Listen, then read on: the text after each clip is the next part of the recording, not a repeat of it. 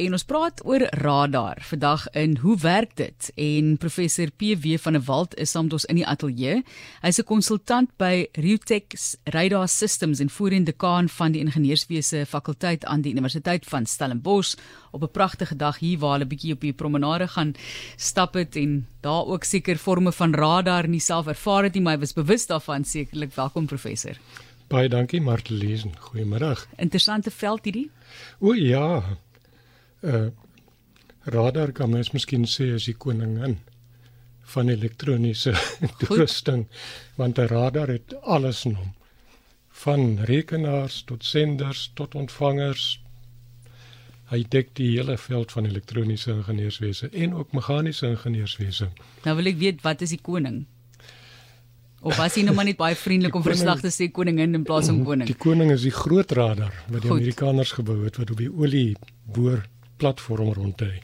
Sjoe, 'n eh, ander dag gaan ons oor van daai sake ook verder gestels. Mm -hmm. Dis nie die enigste gesprek wat ons daaroor gaan hê nie want dit is baie baie interessant en 'n wye veld, maar kom ons vind uit wat doen radar. Ek sit ook hier met 35 jaar van innovasie voor my 'n uh, ek kan ek maar sê 'n handleiding daarvan van 1987 tot 2022. Vertel ons 'n bietjie van wat dit doen. Ja, radar is 'n fenominale sensor. Uh radar het die vermoë, die beste voorbeeld is miskien daai radar wat by die lughawe staan wat 'n lugvolume van miljoene kubieke kubieke kubieke kilometer in 'n deel van 'n minuut deursoek en hy sal vir jou vasstel of daar iewers daar 'n vliegtyg vlieg. Sjoe. Hy sê net dit doen nie, hy sal ook vir jou vertel waar die vliegtyg is, hoe ver hy is en hoe vinnig hy ry na jou toe aankom. Uh, daar is eintlik geen ander sensor wat alles kan doen wat 'n radar kan doen nie. Fascinerend. As jy vra het, is jy welkom om deur te stuur ook 45889 dis rand 50 per SMS. So, hoe werk dit asseblief? Maar net 'n radar bestaan, ag, maar Lize radar bestaan uit 'n baie kragtige sender en dan 'n baie sensitiewe radio-ontvanger. Dit albei werk by baie hoë frekwensies. Die twee is gekoppel aan 'n baie groot antenna wat die vermoë het om radiogolwe of elektromagnetiese golwe in 'n baie nou bundel uit te straal. Nou as jy radiogolwe so uitstraal as daar enigiets deur daai golf beweeg wat anders lyk as lig, dan kom daar 'n klein weerkaatsingkie na jou toe terug.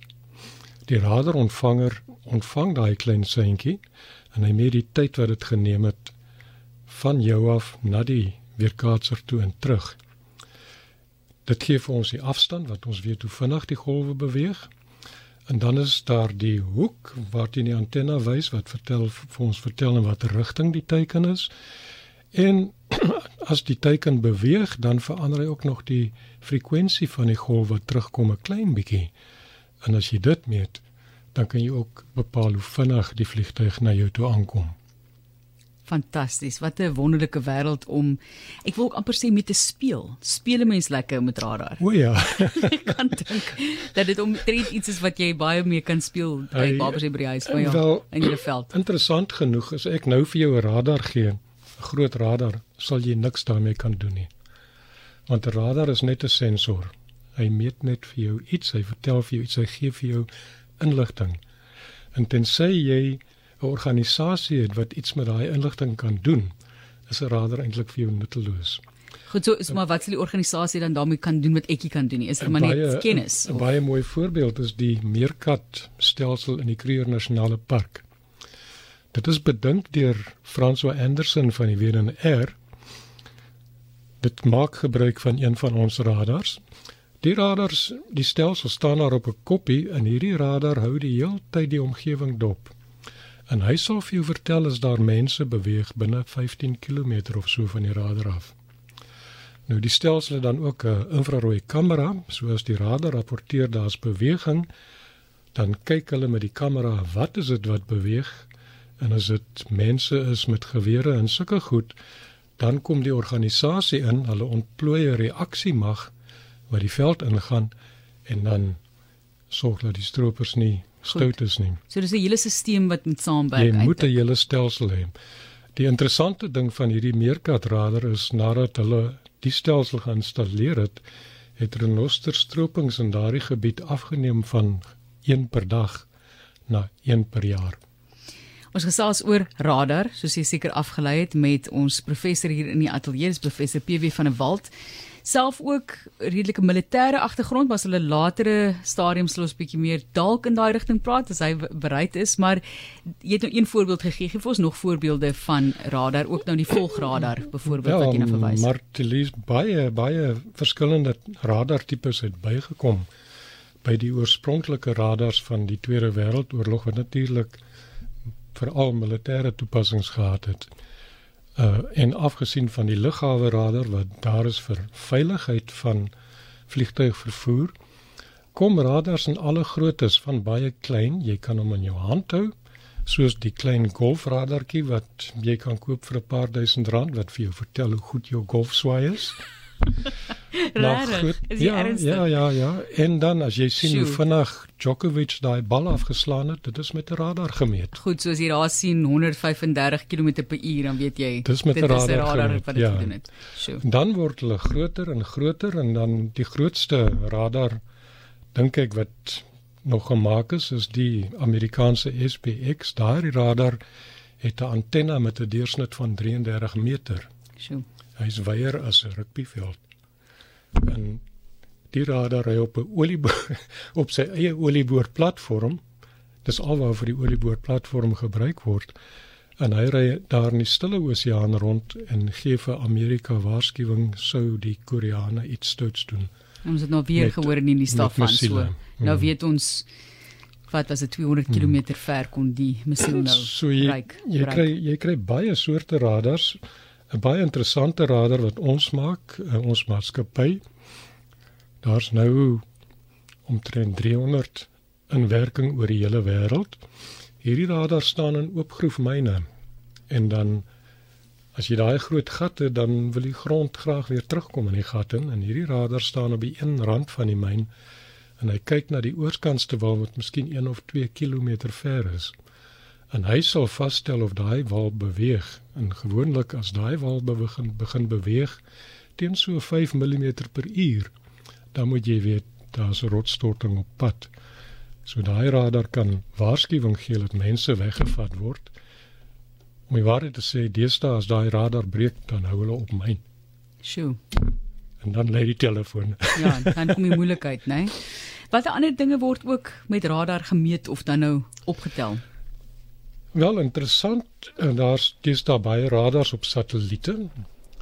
En met 'n radar wat op 'n satelliet om die aarde wentel, kan die mense goed soos 'n tsunami wat vorm ehm uh, optel waarneem en waarskuwing gee.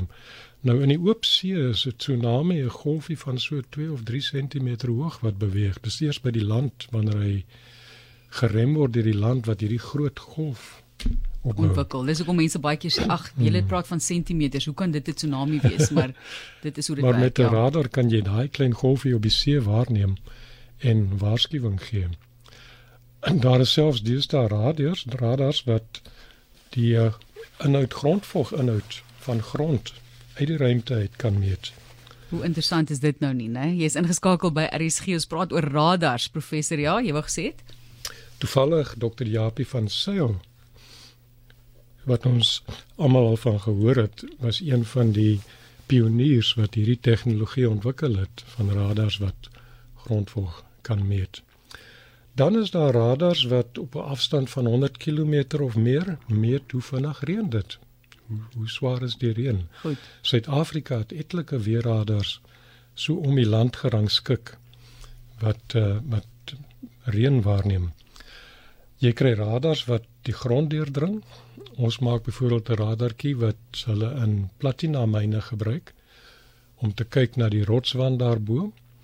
En hierdie radar tel op as daar krakies is en so kan hulle voorsorg tref dat daar nie rotsstortings plaasvind nie. Die Chinese het hierdie radar nogal by ons gekoop en hulle gebruik hom op hulle spoorweë.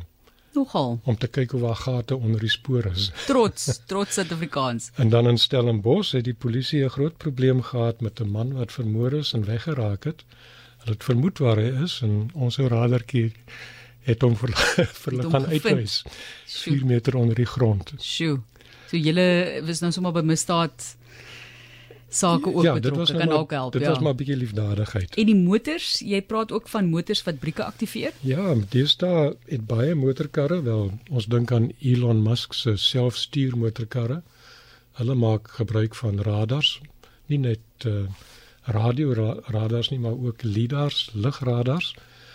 Uh vandag se se dierder karre in Suid-Afrika het almal radartjies in wat die remme van daai kar outomaties sal aktiveer as jy baie vinnig op 'n motorkar voor jou afstorm en dan hom gaan vasry.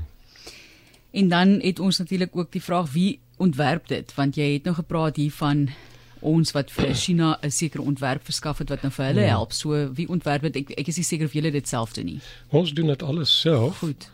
Uh jy sit 'n span bymekaar van omtrent 20 20 25 mense waarvan seker die helfte van hulle elektroniese ingenieurs is en meganiese ingenieurs. En uh daai spannetjie werk so vir 2, 3 jaar lank Ja. om 'n radarontwerp te kry. So radars word word dan seker maar net natuurlik vir die sekere doelstelling ontwerp. Jy het nie een radar wat nou sommer net alles Dis- gaan doen nie. Dis absoluut. Elke radar is omtrent uniek want elke baie omgewings het 'n baie unieke probleem. Ja. Soos ons moes 'n radar ontwikkel uh wat oor die see uitkyk en daar's duisende klein bootjies op die see daar en hierdie radar moet elkeen van hulle volg. Ons het 'n radar, ander radar gehad wat in die Noordwegse see moes bedryf word. Nou by die Noordwegse see steek daar oral klippe uit die water uit. En ons het daar 'n spesiale kaart gehad tot 5 meter resolusie met elke liewe rots op die kaart sodat ons kan weet as die radar daar weer kaatsing kry dis 'n rots. Ja, dis nie iets waaroor jy bekommerd te wees Kan nie. diferensieer, nee. Ja. Hoeveel kos dit, prof? O, oh, uh, radars soos daardie sal miskien 30 miljoen rand kos. Sjoe. Die uh, groot. Amerikaanse radars, die duurstene waarvan ek weet, hy het 1000 miljoen dollar gekos. 1000 miljoen dollar. Dis baie geld. Dis baie geld. Fascinerende wêreld. Nou weet jy hoe werk 'n radar, maar ons gaan nog in die toekoms gesels oor radar, want dit is 'n baie diverse onderwerp, baie baie interessant. Dit is professor PW van der Walt wat met ons gesels het en hy's 'n konsultant by Rutech Radar Systems en voorheen dekaan van die ingenieurswese fakulteit aan die Universiteit van Stellenbosch en ons kyk na 35 jaar van innovasie wat hulle ook by betrokke is. Ons sê vir jou baie dankie vir die verduidelikings. Dankie Marlies. Fascinerende wêreld.